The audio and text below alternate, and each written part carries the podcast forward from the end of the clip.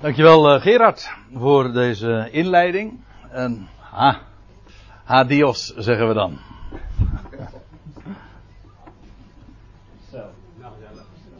Ja. is dit goed? Oké, nou dan kunnen we nu beginnen.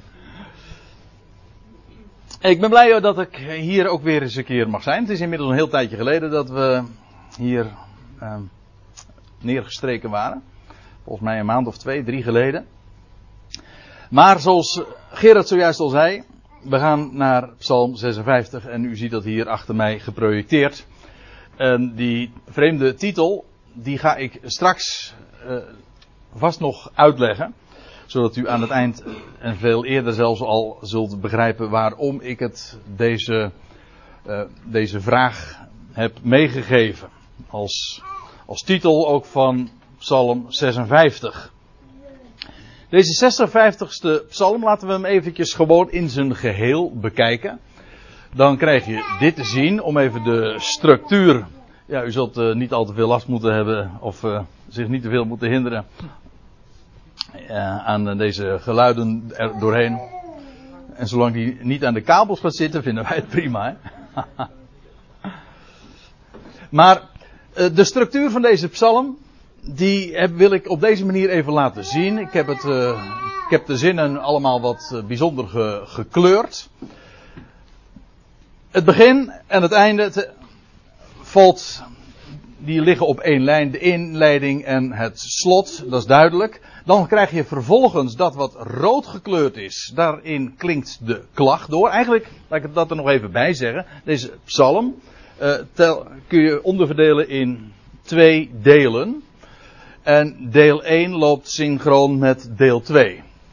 Uh, uitgezonderd dan de, het begin en het slot. Maar dan krijg je eerst dus de klacht, die rode letters.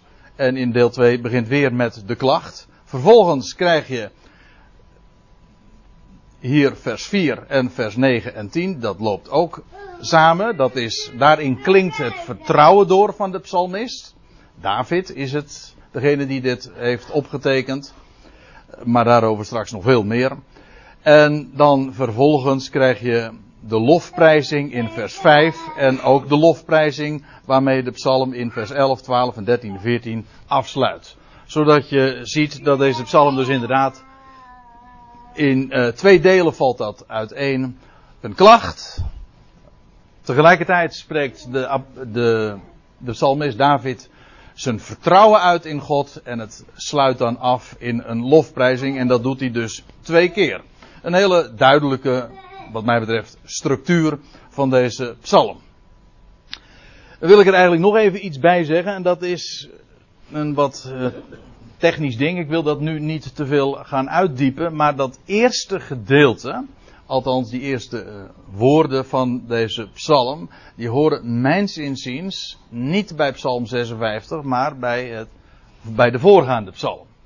Dat is een fenomeen dat zich heel vaak voordoet en degenen die vertrouwd zijn met de, de Engelstalige Companion Bible, die, die kennen dat fenomeen wel. Bullinger, de schrijver van de Companion Bible, die wijst daar altijd ook in zijn aantekeningen op deze beschrijving valt, die hoort bij de voorgaande psalm. U moet zich realiseren dat de, de grondtekst, dus de Hebreeuwse Bijbel, die kent niet die indeling van psalmen met kopjes erboven enzovoort. Dus ja, de vraag is dan altijd, waar begint de nieuwe psalm?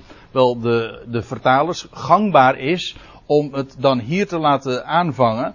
Maar ik denk dat er alle reden is om aan te nemen dat die woorden voor de koorleider en dan vervolgens de muzikale aanduiding, vermoedelijk op de wijze van de, de duif op verre terebinten, verre eiken, dat dat hoort bij de voorgaande psalm. En daar is een hele goede reden voor, en dat is dat we in uh, Habakkuk 3, daar vinden we namelijk ook een, een psalm, een lied. Heel Habakkuk 3 is een lied. En hoe eindigt Habakkuk 3? Hoe eindigt trouwens heel, heel het boek Habakkuk? Want het is tevens het slot van het boek. Die eindigt dan met voor de koorleider en dan op de wijze van. Uh, goh, dan weet ik eventjes niet meer hoe dat er dan precies staat. Maar in elk geval zo'n muzikale aanduiding. Zodat die dat je daarmee ook ziet dat als er staat voor de koorleider en dan op de wijze van, dat hoort niet aan het begin van de psalmen te staan, maar aan het einde van de psalm.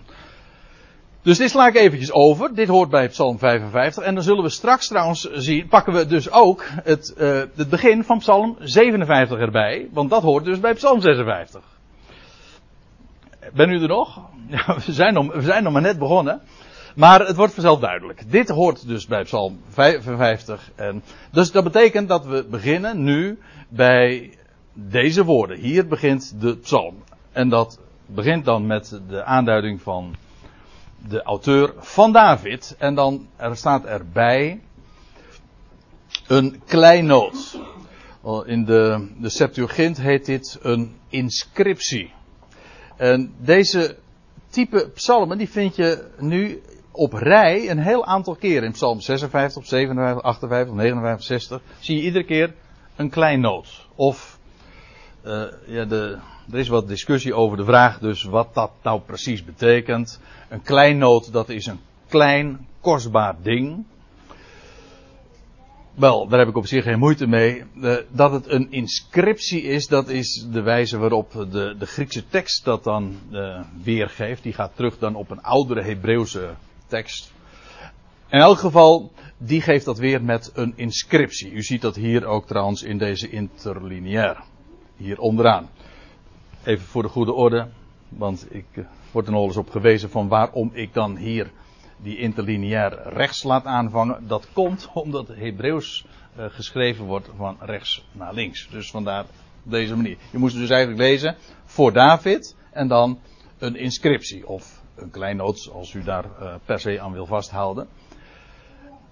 Hij is de schrijver. En het heeft iets met een inscriptie te maken. En eerlijk gezegd heb ik ook een idee waarom het een inscriptie is. Maar daar komen we straks ook nog over te spreken. Ik heb heel wat dia's, dus ik kan niet al te lang eh, stilstaan bij, uh, bij de allerlei details. Ik wil in ieder geval aan het einde van deze lezing toch uitgekomen zijn bij uh, nou, het einde van deze psalm. En ter gelegenheid waarvan heeft David deze psalm gecomponeerd of geschreven? Nou, dat staat er pal bij.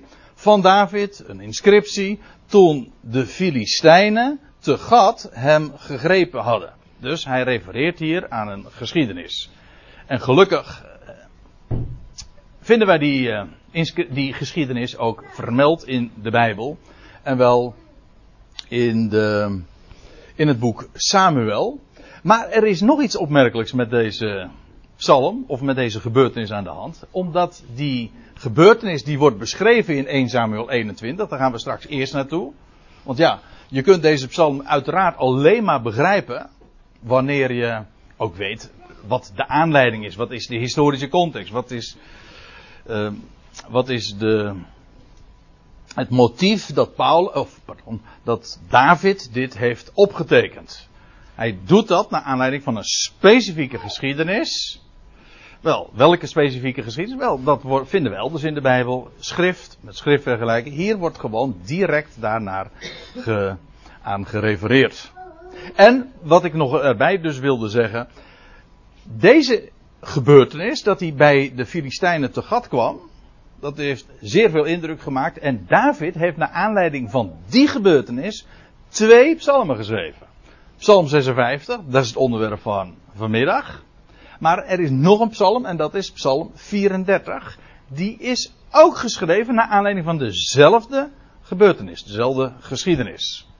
We zullen nog wel een paar keer meer ook uh, van die verwijzingen en van die uitstapjes even naar psalm 34 maken. Niet te veel, want we houden ons gewoon aan de tekst van Psalm 56. Maar één ding, daar ontkomen we niet aan. En dat is gewoon naar 1 Samuel 21 toe te gaan. Die geschiedenis. Het zijn uh, een stuk of uh, vier, vijf versen. Dus dat moet te doen zijn. Waren het niet, dat, dat is dan wel weer het maar. Waren het niet dat er uh, vertaaltechnisch nogal wat mee aan de hand is. Nou, laten we eerst eens eventjes naar 1 Samuel 21 toe gaan. Dan staat er in vers 10. Daarop maakte David zich op. En vluchtte die dag van Zal weg. Vluchtte die dag, dat betekent dus, uh, die, er waren uh, meer dingen op diezelfde dag gebeurd. En dat was ook nogal wat. Want wat, als je dan in 1 Samuel 21 in het voorgaande leest, dan staat er dat David die was het heiligdom ingegaan. De aspirant koning. Ja, we, we luisteren meteen al met hele dubbelzinnige oren. Tenminste, zo, uh, daar ben ik op ingesteld. En nou ja, zojuist heeft Gerard al de aftrap, uh, in de aftrap al eventjes ook iets in die geest gezegd. Als we het hebben over David, dan kan het niet missen dat je ook meteen weer denkt aan de zoon van David. Wel, David, hij was het heiligdom binnengegaan en hij had, dat mocht een koning helemaal niet. Er wordt nooit iets kwalijks van gezegd. Maar goed, hij was geen priester. Maar hier gaat een koning, nou ja, u kunt zeggen een aspirant koning, gaat het heiligdom in. En wat deed hij? Zijn manschappen hadden honger en hij geeft ze van de toonbroden die daar in het heiligdom opgestapeld lagen. Twee stapels van vijf. Tien toonbroden lagen daar. En hij heeft zijn manschappen daarvan gegeven, van die toonbroden.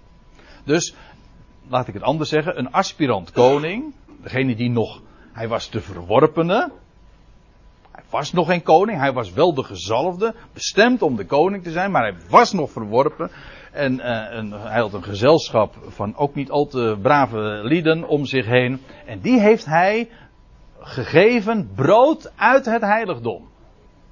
Schitterend beeld. Van wat God vandaag ook bezig is te doen.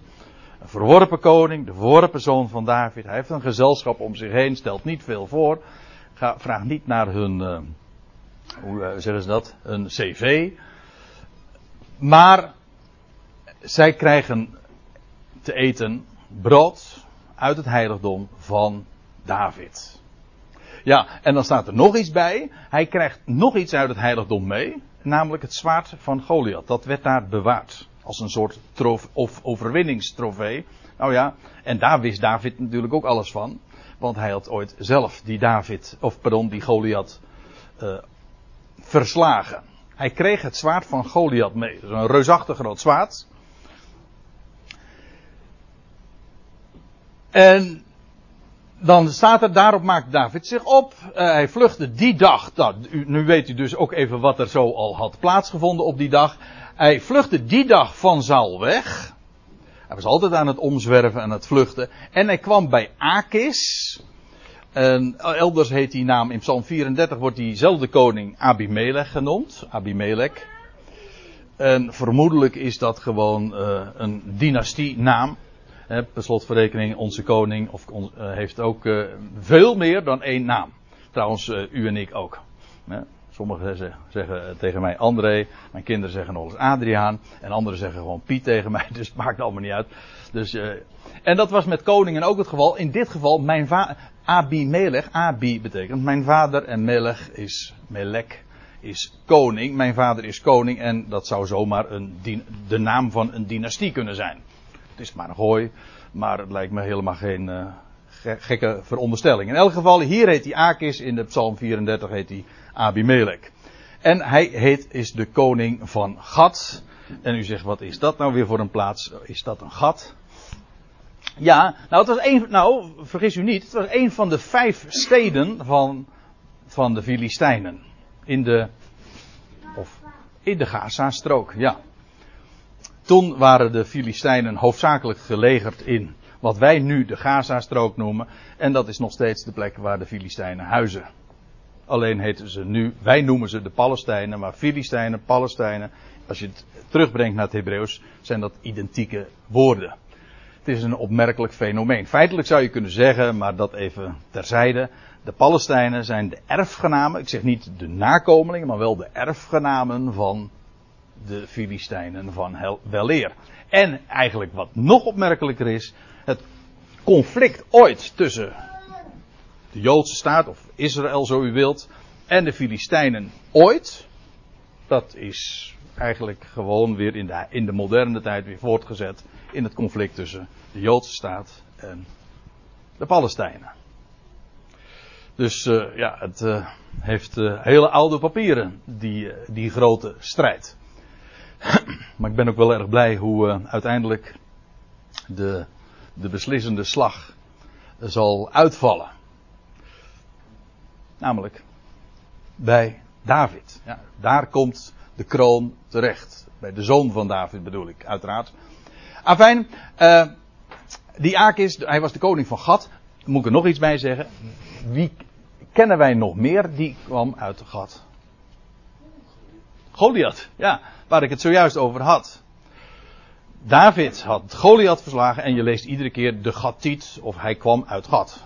Dus hij, nou, laat ik dan dit zeggen. David kwam nu toch echt wel in het hol van de leeuw. Hij vluchtte weg van Saul. Vervolgens komt hij in, de, in een Filistijnse stad terecht. Waar die ooit, de Filis, waar ooit de, de grote man, nou in dubbel opzicht natuurlijk, de grote man van Gad, dat was Goliath, die was ooit verslagen door David. Kunt u zich voorstellen hoeveel oud zeer daar heeft gezeten? Dat was nog niet eens zo heel erg, heel veel jaar daarvoor. En dus hij, hij vlucht voor Saul en hij komt vervolgens op een hele veilige plek, namelijk in Gad. Hij dacht daar misschien niet herkend te worden. Dat lijkt mij zo, want ja, waarom zou je anders daar naartoe vluchten? In elk geval, ik moet verder gaan. Uh, dan lees je in vers, uh, in vers 11 van 1 Samuel. De dienaren van Akis zeiden tot hem: Is dit niet David, de koning, de koning van het land? Dat was hij helemaal nog niet. Was. Eigenlijk wisten ze, zeiden het eigenlijk wel goed, want daartoe was hij wel bestemd natuurlijk. Is dit niet David de koning van het land? Hebben zij niet van hem bij de rijdans een beurtzang gezongen? Namelijk toen Goliath verslagen is. Saul heeft zijn duizenden verslagen, maar David zijn tienduizenden. Zij herinnerden zich dat. Sowieso, dat herinnerden zich. En nou zien ze David en dan zeggen ze, is dit hem niet? Is dit niet die koning van het land? Het is maar een vraag. Maar zij herkennen hem dus kennelijk. En David sloeg acht op deze woorden en werd zeer bevreesd voor Akis, de koning van God. Zeer bevreesd. Kunt u zich voorstellen, want naar de mens gesproken was dit zijn laatste dag hier op aarde. Hij zou, ja, natuurlijk zou hij nu, als hij in hun handen zou vallen, ter plekke gelincht en vermoord worden. Niet? Hij werd zeer bevreesd. Niks menselijks vreemd. Dit was, dit was fataal. Naar de mens gesproken was dit fataal. Nou, en nu komen we op een heel lastig vers. Vers 13. Het getal uh, geeft al een beetje een aanwijzing in die richting. Uh, want het is heel ongelukkig ook uh, vertaald. Op alle mogelijke fronten. Nou, laat ik. Uh, en het maakt eigenlijk dan weinig verschil of je de NBG of de Statenvertaling of nog andere vertalingen hebt. Want eigenlijk is het vrijwel standaard zo. Waarom? Nou, laat ik eens lezen. Ik lees dus uit de NBG-vertaling. Maar tegelijkertijd zal ik. nou ja, mijn aantekeningen daarop maken. Daar staat, daarom stelde hij zich, hij is David, daarom stelde hij zich in de tegenwoordigheid, in hun, namelijk die van de Filistijnen, daarom stelde hij zich in hun tegenwoordigheid aan als een waanzinnige. Als u een statenvertaling hebt, dan staat er iets nogal anders. Dat, die is veel correcter. Dat is meestal zo. De statenvertaling is veel letterlijker, woord voor woord weergegeven. Maar daar staat, daar, uh, daar veranderde hij zijn gelaat voor hun ogen. Ik weet dat er hier heel wat mensen zijn die ook een statenvertaling altijd uh, raadplegen. Die kunnen bevestigen dat het inderdaad zo dan staat in de statenvertaling. Hij veranderde zijn gelaat voor hun ogen. Maar, als u nou een, uh, een Bijbel met kanttekeningen hebt. Dan, dan weet u, of nou, dan kun je nagaan. Ik, ik kijk die heel vaak in, want die, die, die statenvertaling met kanttekening is dikwijls heel boeiend. Uh, dat wil zeggen, als ze aantekeningen geven op, op de vertaling en op wat de precieze tekst zegt, dan is het uitstekend. je moet je hart vasthouden wanneer ze over theologische onderwerpen gaan, gaan praten. Maar als het puur gaat om de tekst, dan worden er soms hele correcte en hele mooie dingen gezegd. want dan staat er bij, als aantekening bij dat woord gelaat, staat er dit. Uh, er staat letterlijk smaak. Niet gelaat, maar smaak. Dus Ja, Els. Het is niet anders, hè?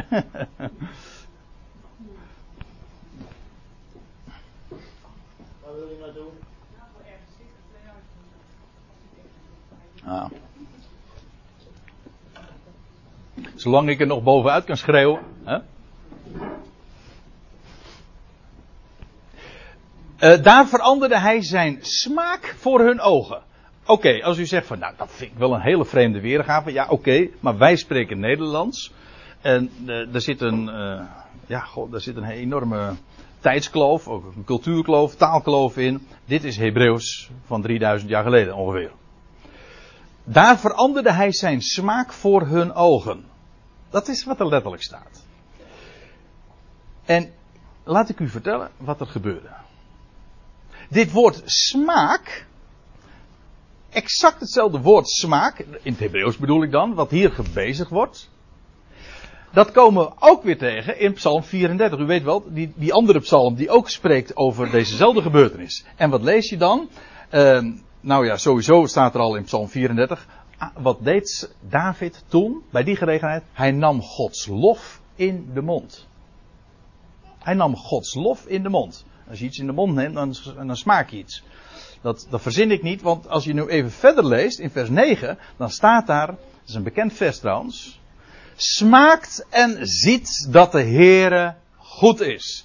En hier, dit woord smaakt, is hetzelfde als het woord wat hier dan in de Statenvertaling weergegeven wordt met gelaat. Bent u er nog? Dus, wat er gebeurt, David is zeer bevreesd en hij proefde. Nou, hij zag natuurlijk de, het onheil, hij, hij heeft dat geproefd en hij, nu verandert hij voor hun ogen ter plekke zijn smaak. Hij proefde onheil, vrees en ja, goh, uh, een, zijn levenseinde naderen. Diezelfde dag zou hij vermoord worden. En maar ter plekke gaat hij iets anders doen. Ja, zegt, uh, zeggen de vertalers dan, de MBG. Hij gedroeg zich als een hij ging zich in voor, een tegenwoordigheid als een waanzinnige opstellen. Staat er niet. Het is strijd ook zo met wat we in de psalmen lezen. Psalm 34 en Psalm 56.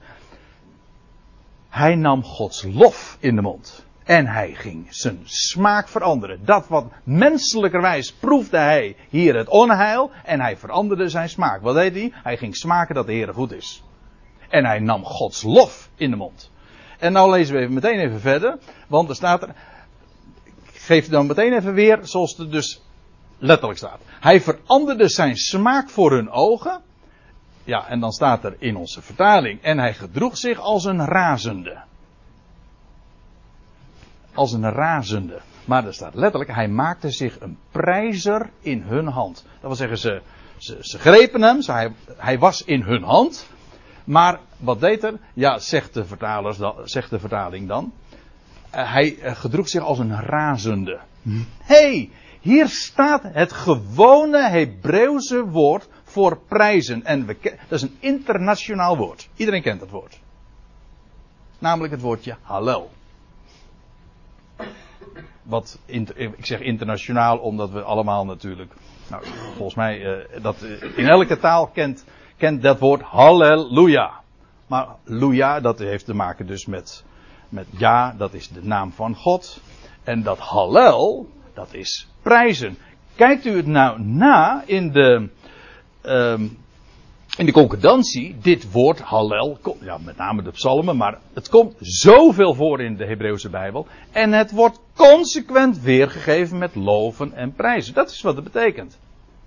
Er is één uitzondering. En dat is hier in 1 Samuel 21. Daar hebben ze er een razen van gemaakt. Hij, hij ging razen, raaskallen. Of hij deed zich zo voor. Maar wie raast hier nu? Wat ik mij afvraag is, uh, hoe komt het duidelijk met die, uh, die woorden als raast? Uh, ja, ik, dat zou je dus aan iemand moeten vragen van de MBG. Ik ga dat hier niet verdedigen. En ik, maar ja, je vraagt natuurlijk ook niet de verdediging, je vraagt de verklaring waarom ze dat zo doen. Nou, waarschijnlijk omdat de Statenvertaling het ook zo gedaan heeft. Dat is de simpele eh, verklaring. Maar ja, ze staan in ieder geval in een, in een goede traditie in die zin dat alle vertalers dat zo doen. Maar ik, ik, ja, geloof maar niet op mijn woord. Hier wordt een woord gebruikt. En in de kant, kijk, in de kanttekeningen wordt daar bijvoorbeeld, in de studiebijbel, worden vaak zulke aanmerkingen nog wel gemaakt. Er staat er van, ja, letterlijk staat hier een woord dat uh, altijd elders vertaald wordt met, uh, met prijzen. Maar omdat iedereen al weet dat David zich hier als een gek, als een waanzinnige, als iemand die mesjogge was, opstelde, heeft men het zo vertaald. En dus betekent het in dit geval prijzen, ja, heeft een andere betekenis. En vertalen ze het met, met razen. Dat is nou echt, ja, dat noemen ze uh, een tunnelvisie. Als je een bepaalde, je hebt al een vooropgezet idee, je weet al wat het betekent. En dan ga je zo ook bepaalde woorden, oh, dat zal in dit geval dan dit betekenen. Het is, staat niet net ter discussie. Ik wijs alleen op het feit dat hier in het Hebreeuws het woordje prijzen gebruikt wordt. Hallel.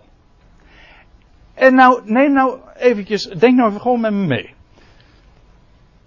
Kijk naar Psalm 34. Kijk naar Psalm 56. Wat weten we vanuit Davids eigen beleving, wat hij gedaan heeft bij deze gelegenheid? Namelijk, hij ging God prijzen. Psalm 34, Psalm 56, dat zijn lofzangen. Hij nam Gods lof in de, op, op de, in de mond. Hij ging God prijzen. Hij maakte zich een prijzer in hun hand. Hoezo een razende? Nou, hij was kennelijk door hen gegrepen. Dat, zo versta ik dat. Even verder. Hij, hij bekrabbelde. Kijk, en dan zie je ook hier weer. Uh, als je eenmaal in die, in dat stramien zit, van ja, hij, hij gedroeg zich als een gek. Ja, en, hij, en hij, hij, was met die deurvleugels van de poort bezig. Ja, dan was dat krabbelen natuurlijk. Want hij gedroeg zich als een gek. Als, alsof dat dus een tactiek van hem geweest is om zich zo gek op te stellen, om maar uit hun handen te komen. Maar hier staat hier, er staat hier gewoon het woord voor kerven. Of tekenen of graveren. Dat is wat hij deed.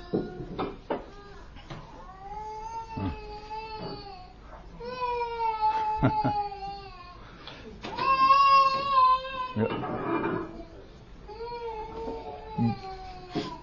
Ja.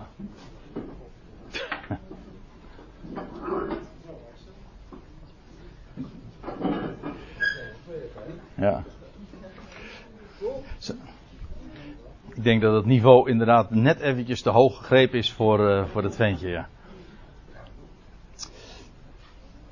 Hij hoorde me het over het Hebreeuws hebben en dergelijke. Ik dacht, dat, dat, dat pak ik allemaal niet op. Uh, hij, staat, hij kerfde in de deurvleugels uh, van, van de poort. Uh, ik wil u nog even aan herinneren. Dit was van David een, een kleinoot, weet u nog? Een inscriptie. Hou me vast. Misschien dat ik er straks nog even op terugkom.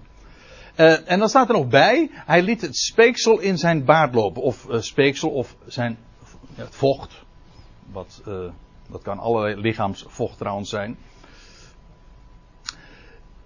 Maar goed, ik lees even verder. Je krijgt dus een heel, een heel ander idee. Hij veranderde zijn smaak voor hun ogen. En hij maakte zich een prijzer in hun hand. Hij kerfde de deurvleugels van de poort. Ik kom er straks nog even op terug. En liet het speeksel in zijn baard lopen. Nou ja. Uh, toen zei de Akis, en nou begrijp je wel meteen. waarom de vertalers denken dat David zich als een gek opstelde. Waarom? Omdat dat namelijk de conclusie was van de Filistijnen. Want wat zegt Akis? Toen zei de Akis tot zijn dienaren: Zie, gij merkt toch dat de man krankzinnig is? Waarom brengt gij hem bij mij? Heb ik gebrek aan krankzinnigen dat gij mij deze gebracht hebt? Trouwens, hier dat woordje krankzinnig.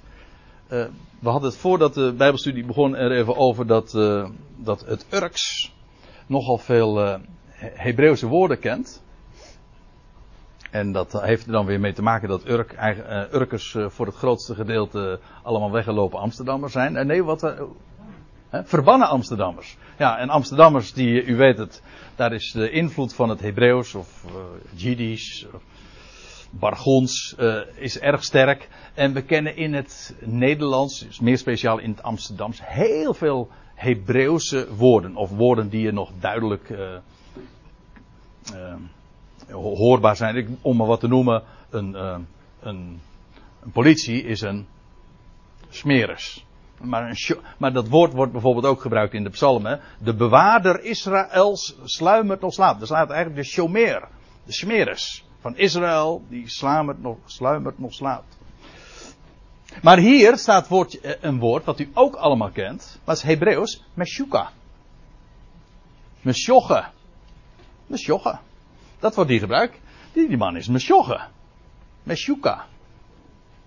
Heb ik gebrek aan mesjogge mensen, dat gij mij deze gebracht hebt, om bij mij uit te razen. Moet zo iemand in mijn huis komen?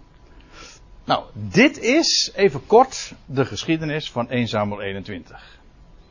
Ik heb er uh, in een andere studie wat, ben ik er wat uitgebreider op ingegaan. Ik moest het nu alleen even kort vermelden. Gewoon om een indruk te hebben waar het überhaupt in uh, Psalm 56 over gaat. Wat de aanleiding is. Maar goed, dan heb u in ieder geval een klein beetje de indruk van, van wat er gaande was. En ook wat er letterlijk, letterlijk staat. En ik zal u dit vertellen. Als je de tekst letterlijk leest. En van, van uh, die woorden dat hij ging razen leest van hij werd een prijzer. Dan wordt alles in één klap helder.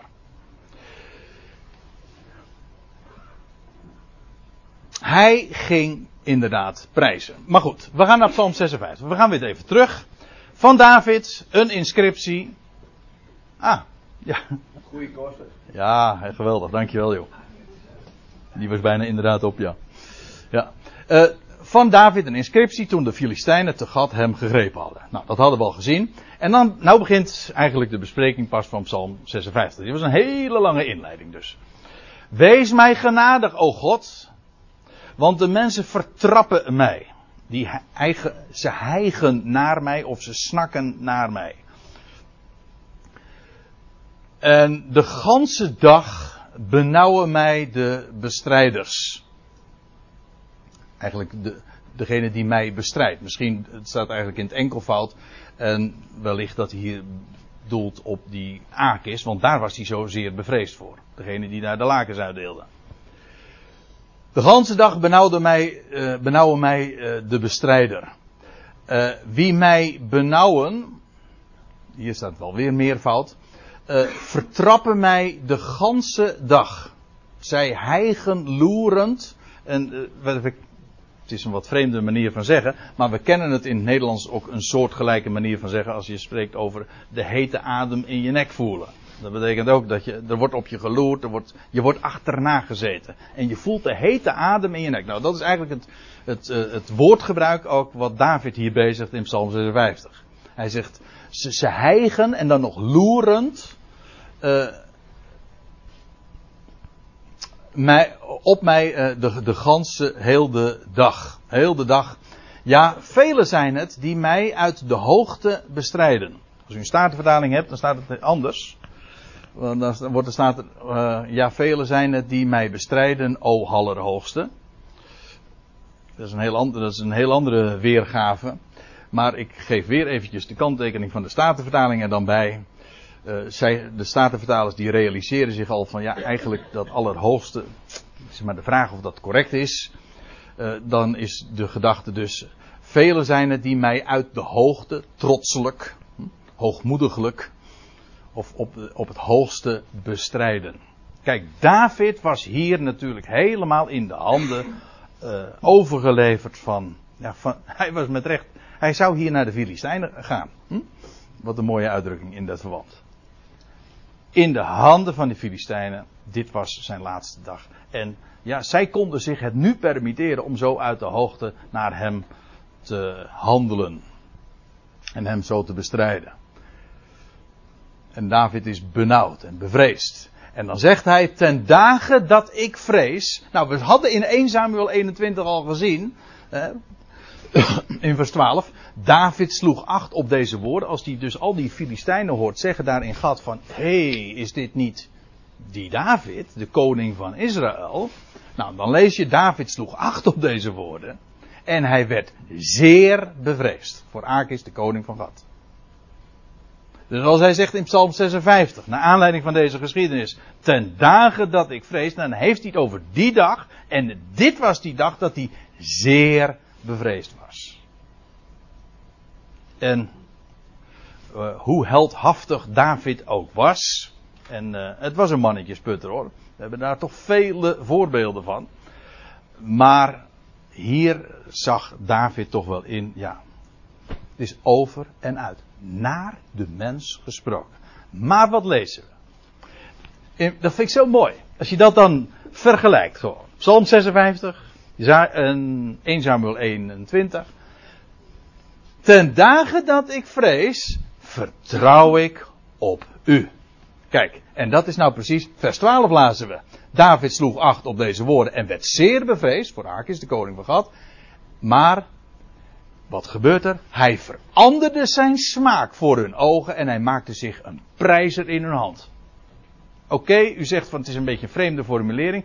Prik daar doorheen en je voelt meteen wat er hier aan de hand is. Hij was zeer bevreesd. Maar wat doet David? David, hij verandert zijn smaak. Hij gaat iets anders proeven dan vrees en onheil. En zijn levenseinde die die dag eigenlijk zou plaatsvinden. Nee, hij verandert zijn smaak en hij neemt Gods lof in, in de mond. Hij wordt een prijzer in. Ze pakken hem vast. In hun hand is hij. Maar hij maakt zich een prijzer.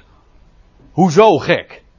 Nee, hij gaat God prijzen. Dat is het woord wat gebruikt wordt. En altijd geven, ze, geven de vertalers dat woord weer met prijzen. En hier in 1 Samuel 21 maken ze van hem een razende.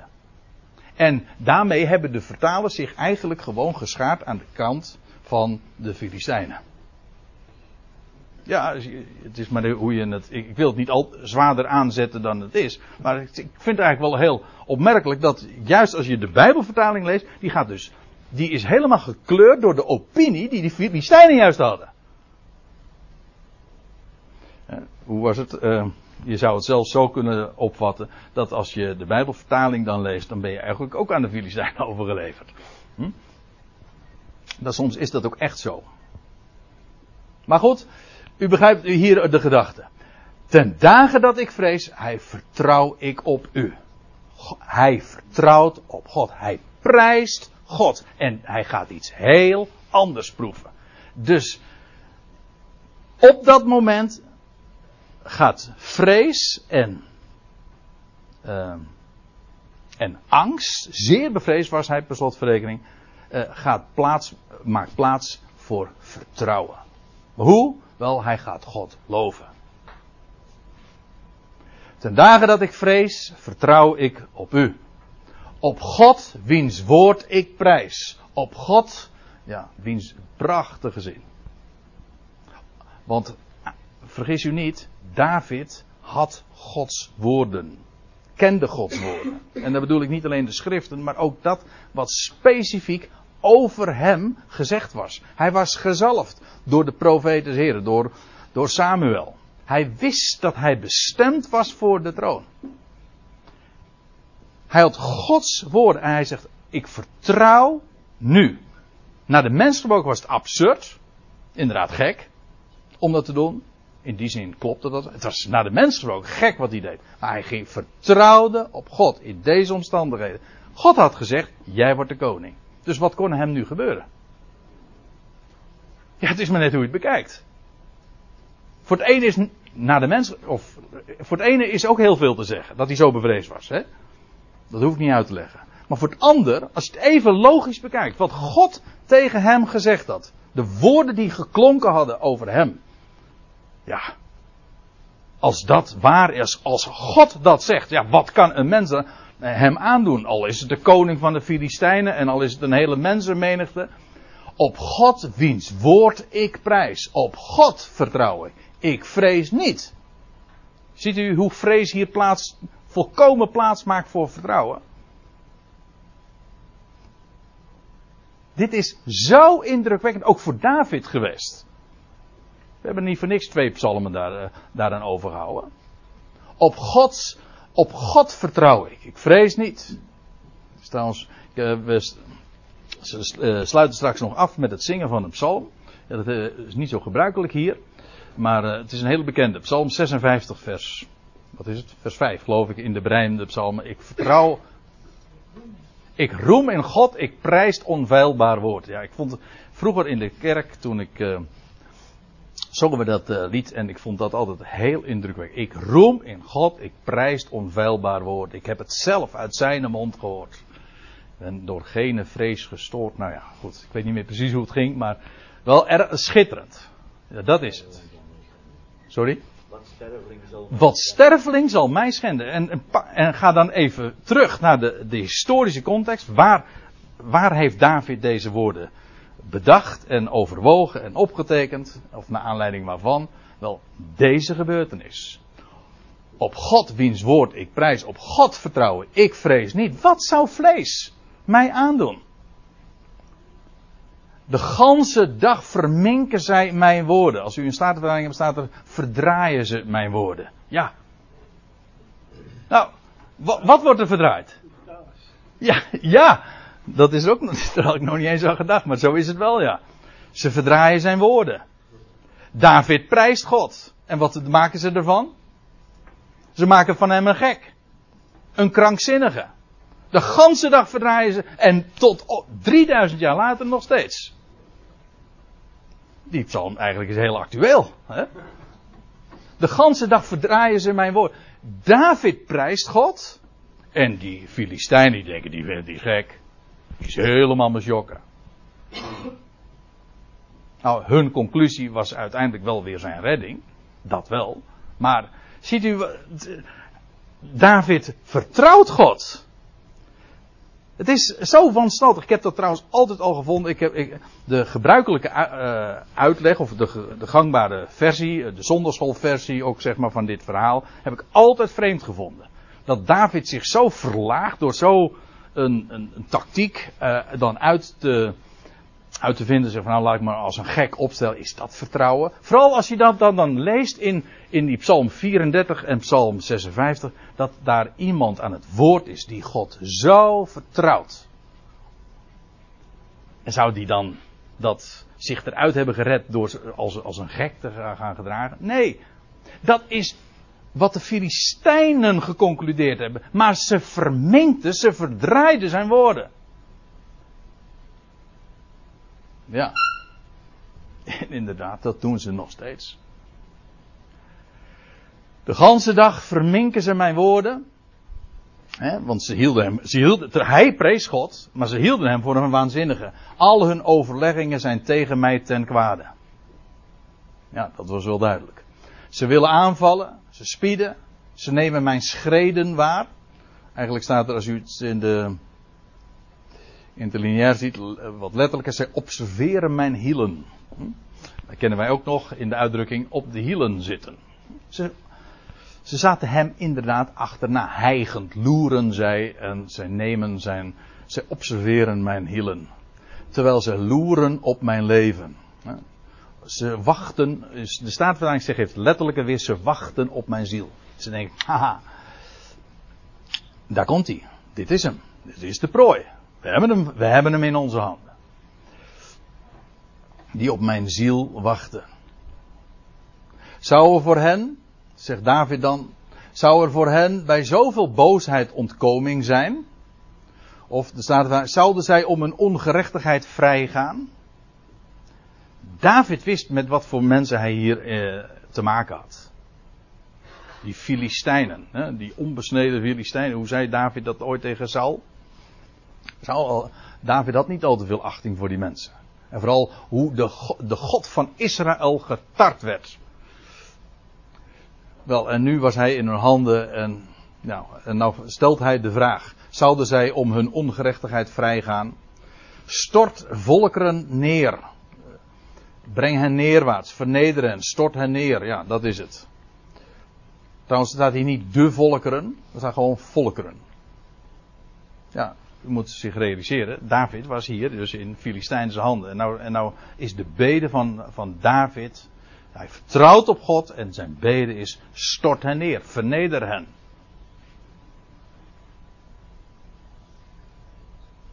Dat dit trouwens ook profetisch is, uiteraard gaat over de zoon van David, die dit daadwerkelijk ook zal doen. Dat lijkt mij ook buiten kijf. Maar ik lees even verder. Psalm 56, vers 9. Mijn omzwerving. Ja, inmiddels, hij was dus van het Joodse land, nu in het land van de Filistijnen terechtgekomen. Nergens had hij een vaste plek. Altijd was die, moest hij weer verkassen. Altijd uh, zwierf hij, mijn omzwerving hebt gij te boek gesteld. U ziet, er staat eigenlijk letterlijk uh, in het Hebreeuws. Er zijn hier mensen in ons midden die, uh, die dat kunnen bevestigen. In het Hebreeuws is het Hebreeuwse, het Hebreeuwse woord voor boek, dat is sefer, maar dat heeft te maken met tellen. Vandaar ook nummeren. En dat heeft er ook mee te maken dat in, in het Hebreeuws is tellen hetzelfde eigenlijk als vertellen. Als je trouwens ons woordje uh, vertellen, als je het in Engels zegt, zeg je ook weer to tell. Hè? Het zijn dezelfde begrippen. Woord en getal zijn de, dezelfde begrippen. Die woorden worden op schrift gesteld, geboekstaafd. Ik wilde daar nog iets van zeggen, maar ik schiet me even niet meer te binnen. Wat eh, dan wel. Maar in ieder geval, uh, het is bewaard in Gods boek. Mijn omzwerving hebt gij geteld.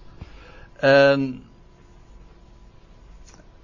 te boek gesteld. En dan nog iets, want het, wordt herhaald aan het einde van deze, van deze zin, van dit vers. Doe mijn tranen in uw kruik. Schitterend beeld. Het idee is natuurlijk dat de tranen bewaard worden. Maar eventjes nog dit. Wat hadden we ook alweer gelezen over David? In uh, 1 Samuel 21. Ja, David huilde. Hier, hier lees je het in Psalm 56. Het is net alsof hij veel huilde. Hij was zeer geëmotioneerd. Dat hoef ik toch niet uit te leggen. Waarom hij zo geëmotioneerd was. Oké, de vrees maakt plaats voor een wonderbaar vertrouwen. Dat is waar, omdat hij zijn smaak veranderde. Omdat, hij, omdat hij Gods lof in de mond nam. Dat veranderde hem compleet. Dat is een onderwerp op zich, maar ik geloof dat dat inderdaad zo werkt. Dat, dat je. Gods vrees maakt plaats voor vertrouwen wanneer je zijn lof in de mond neemt. Geef, dan, dan, ben je namelijk goed gericht. Hè? Als je, dan kijk je naar boven, naar, naar hem. Dan word je, dan word je, dan word je focus daarop gericht. In plaats van op je heen of naar jezelf. Daar wordt de mens niet, uh, door, niet door uh, naar anderen te kijken of naar jezelf te kijken of naar welke kant ook op te kijken. Uh, wordt vrees weggenomen, maar alleen door omhoog te kijken en zijn lof in je mond te nemen. Maar goed, het was David huilde, want, want wat lazen we in vers 13 van 1 Samuel 21? Hij liet het speeksel, of het, het vocht, of het snot, u begrijpt de gedachte, zijn tranen in zijn baard lopen. Hij liet zijn tranen de vrije loop. Hij veegde ze niet weg. Hij veegde ze niet weg, nee, want hij weet, ze worden bewaard. Ze worden bewaard. Die tranen, doe mijn tranen in uw kruik. Ziet u trouwens ook hier hoe de inhoud van Psalm 56 overeenkomt met wat we beschreven vinden in 1 Samuel 21. Doe mijn tranen in uw kruik. Uh, dus ik heb opgemerkt dat dit de enige plaats is waar uh, dit vertaald wordt met kruik. Ik heb niet nagekeken hoe het in de Statenvertaling is. Ook kruik. maar eigenlijk is het een leren zak. En uh, de vijf keren dat het. Andere keren dat het gebezigd wordt, wordt het ook daadwerkelijk zo vertaald. Hè? Er wordt ook gesproken over. Uh, dat is een bekend beeld trouwens, dat wijn in. hoe was het ook alweer? Oude wijn. Nee, nieuwe wijn doet men niet in oude zakken. Of omgekeerd. En dat kwam, dat had te maken met dat wijn, je leest ook van melk, werd bewaard in een leren zak. Dat wil zeggen leer van geitenleer of in ieder geval van dierenhuiden. En het idee is dan vooral, het wordt zorgvuldig bewaard. Doe mijn tranen in uw kruik. Het idee is uiteraard, God bewaart de tranen. Hij, voor hem is dat kostbaar. Is, tranen zijn niet voor niks. David weent, hij is geëmotioneerd en hij weet, God ziet dit. God nummert het, God telt het, God uh, bewaart het. Doe mijn tranen in uh, die leren zak van u, in die kruik van u zo u wilt. Maar in elk geval het idee is dat het zorgvuldig bewaard wordt, in zijn handen is. Elke traan. Staat hier er trouwens enkelvoud, ziet u? Mijn, mijn traan. Staat in, uh, even terzijde, maar er staat in Psalm, nee, uh, niet in de Psalm, in het boek Openbaring, lees je dat God alle tranen, in sommige vertalingen wordt het zo weergegeven, hij zal alle tranen van de ogen afwissen. Maar er staat niet alle tranen, er staat elke tranen. Niet alle tranen, dat is dit. In één keer allemaal weg. Nee, hij zal elke traan van de ogen afwissen. Dus elke traan is, heeft aandacht van hem. Is, dat is niet, die wordt niet voor niets gewend, gehuild. Hier zie je dat ook. In elk geval, David zegt dat bij deze gelegenheid. Doe mijn tranen in uw kruik. Wat dus wel aangeeft dat de tranen uh, vrijelijk de loop hadden. Zijn zij niet in uw boek? Worden ze daar niet op schrift gesteld? Worden ze niet genummerd? Worden ze niet geteld? Dan zullen mijn vijanden, staat er, terugwijken. Dat, David weet dit. Nu, hij in vertrouwen uh, zij deze woorden uitspreekt. Hij zegt, mijn vijanden zullen terugwijken ten dagen dat ik roep. Dit weet ik, dat God met mij is. Dat zag hij niet, maar dit wist hij omdat Gods woord op hem was. Ja, nou, uh, dat is precies wat hij dan vervolgens zegt, want wat staat er? Op God, wiens woord ik prijs. Op de Heere, wiens woord ik prijs. Dit zagen we dus al eerder, hè? Maar we hadden al eerder gezien dat dit is de psalm, die kent die patroon twee keer van klacht, vertrouwen en dan Gods lof. En hier zijn we in deel 2. Op God, wiens woord ik prijs. Op de Heere, wiens woord ik prijs. Op God vertrouw ik. Ik vrees niet. Ik ben niet bang. Moet je nagaan. Hij, hij was zeer bevreesd. En er is iets zo essentieel, zoiets fundamenteels in hem veranderd. Want hij nam Gods lof in de mond. Dat, dat was de grote verandering in zijn leven. Of op deze dag. En daardoor werd, maakte vrees plaats voor compleet vertrouwen. Sterker nog, hij prijst God. Wat zou een mens mij aandoen? En dan nog iets. Ja. Er staat op mij, o God, rusten geloften, u toegezegd, lofoffers zal ik u betalen. Ja, nou moet ik weer iets onaardigs over de vertaling zeggen. Want er staat hier er wordt hier iets uh, gesuggereerd in de vertaling. Of gesuggereerd, er wordt iets gewoon uh, expliciet gezegd. Het gaat hier over beloften die David zou hebben gedaan. Maar er staat op mij, God. Op mij zijn beleg, uh, plechtige beloften van u. En men heeft ervan gemaakt, ja, dat zijn plechtige beloften die David gedaan heeft aan God. Staat er niet. Zo staat het er niet. Het zijn de plechtige beloften van God zelf. Niet. Het zijn plechtige beloften van u. Niet belofte aan God, maar belofte van God. Als je een belofte aan God doet, dan, is, dan heet dat een gelofte. Maar het zijn, het zijn beloften van God. En op David rusten beloften van God. Ik vind dat schitterend. Het gaat hier niet over, over dat David geloften aan God heeft gedaan. God had beloften aan David gegeven. En op hem rustte Gods plechtige belofte. En daarom zegt hij ook: Op God vertrouw ik. En zijn woord prijs ik. als God dat nou over hem heeft gezegd, wat hij zou zijn. En daarom heeft David ook zich zo kunnen opstellen. Een man van, een man van vertrouwen. Waarom? Hij had Gods woord. Nou ja, en bij deze gelegenheid leek het erop alsof het helemaal fout zou lopen. Maar toen ineens, toen veranderde hij ineens zijn smaak. Hij nam allemaal iets anders in de mond. Toen ineens realiseerde dat een mens kan mij niks aandoen. Gods belofte rustte op mij. Op mij, o God, rustte uh, geloften u toegezegd. Trouwens, we zullen dat straks ook nog zien in, de, in die uh, berijmde versie. Dan staat er ook geloften. Maar, wij zingen straks gewoon belofte. Ik zal straks nog even op wijzen als, het uh, zover is dat we dat gaan zingen. Maar even dit. Op mij, o God, rusten beloften. Uw beloften. En dan lofoffers zal ik u betalen. Maar dat zijn geen lofoffers vanwege onze gelofte. Hij looft God niet omdat hij hem iets, eh, omdat hij hem dat had beloofd. Nee, hij looft God. Hij kan hem dat zo teruggeven. Dat is niet anders dan billig. Omdat hij die belofte van God had gekregen. Op hem rustte die beloften. En daarom zegt hij, lofoffer zal ik u betalen. Dat maakte de lof in hem wakker.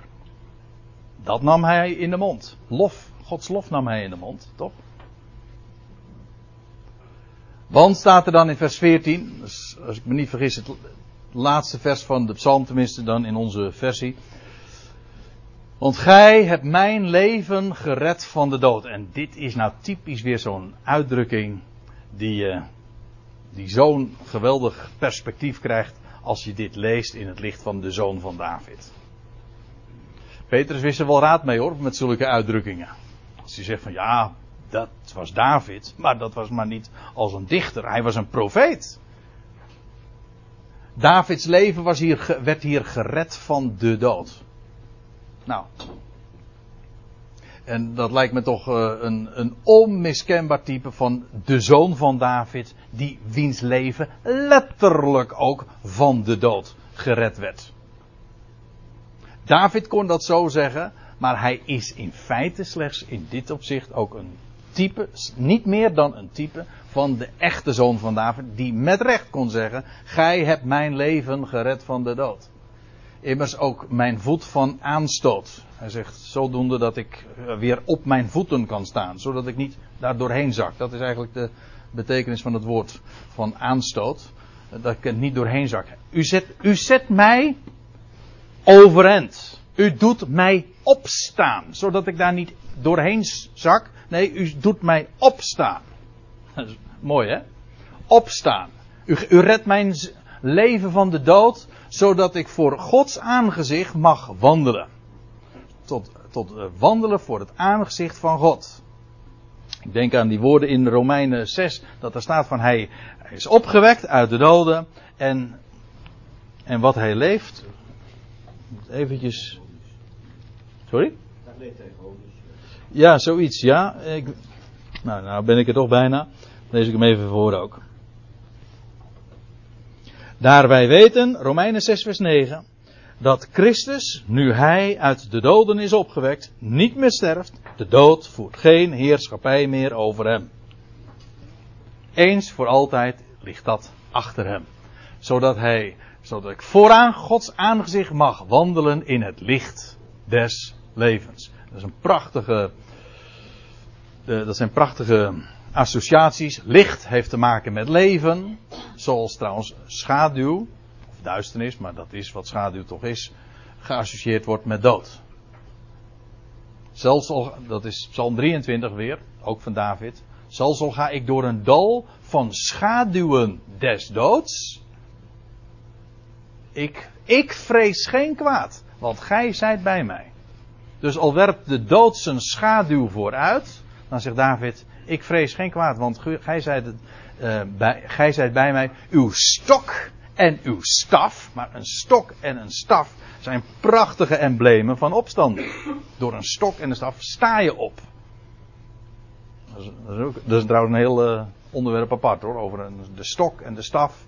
En hoe dat altijd een embleem is van opstanding. Maar in ieder geval, licht en leven. In het woord, hoe staat het ook in Johannes 1? In het woord was leven. En het leven was het licht der mensen. Nou, hier wordt gesproken over David.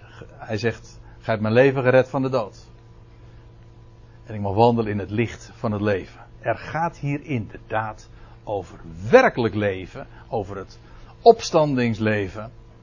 En laat ik dan nog even verder lezen. Ja, nou zijn we dus in Psalm 57. Maar ik had al gezegd, dat begin, die eerste regel van, of het eerste deel van Psalm 57, hoort eigenlijk bij Psalm 56 als afsluiting. Dus voor de koorleider. Voor degene die de lofzang aanheft. Voor trouwens ook, wie dat is, lijkt mij ook niet moeilijk. Want hij wordt een keer ook uh, profetisch beschreven in de psalmen. Ook een psalm van David, psalm 22. Ik zal uw lof verkondigen in het midden van de gemeente. Zal ik uw lof zingen. Dat is die koorleider. Hij heft de lofzang aan. En het is op de wijze van verderf niet. Dat hoort bij Psalm 56, ja. Het slot van Psalm 56, dat, dat geeft aan van dit is op de wijze van. Of uh, het moet. Uh, ja, het is een, wellicht een muzikale aanduiding. Maar in elk geval, dat is de benoeming van deze psalm. Verderf niet. Nee, precies. Hij is gered van de dood. Of hij wandelt in het licht van het leven. Dat is waar het over in Psalm 56 over ging. Dus dit, dit, dit matcht perfect. Dus op zich al een inhoudelijke bevestiging dat het inderdaad dit hoort bij, op, uh, bij uh, Psalm 56. Psalm 56 uh, zie je dus de zoon van David, die bij zijn manschappen is en brood uit het heiligdom geeft, hemelsbrood om zo te zeggen. Het embleem van de overwinning bij zich heeft. En dan komt hij daar in het hol van de leeuw, is hij daar onder de natieën en daar zingt hij Gods lof. En hij wordt voor gek versleten. Hij is een dwaas in de ogen van de wereld. Maar in werkelijkheid is dat de grote wijsheid Gods. En de wijsheid Gods die blijkt juist daaruit dat er is geen verderf. Er is redding van de dood. En als je God aan je zijde hebt, als zijn belofte op jou rust, dan kan dan, wat zou vlees je aandoen? Dan kan niets je treffen. Kijk, en dat is, dat was 3000 jaar geleden voor David het geval. Dit woord staat als een rots. Daarop, daar, als je daarop rust, als je daar je aan toevertrouwt, zoals Gerard al in, in, in het begin ook zei, dat is nog weer duizend jaar eerder, maar Jacob die zijn hoofd op die steen legt. Of David die ineens zijn smaak verandert en Gods woord in de, en Gods lof in de mond neemt. Wel, dat woord dat is nog steeds zo solide. En dan heb je inderdaad alle reden om dit vertrouwen en die rust te kennen. Zullen we daarbij laten voor vandaag?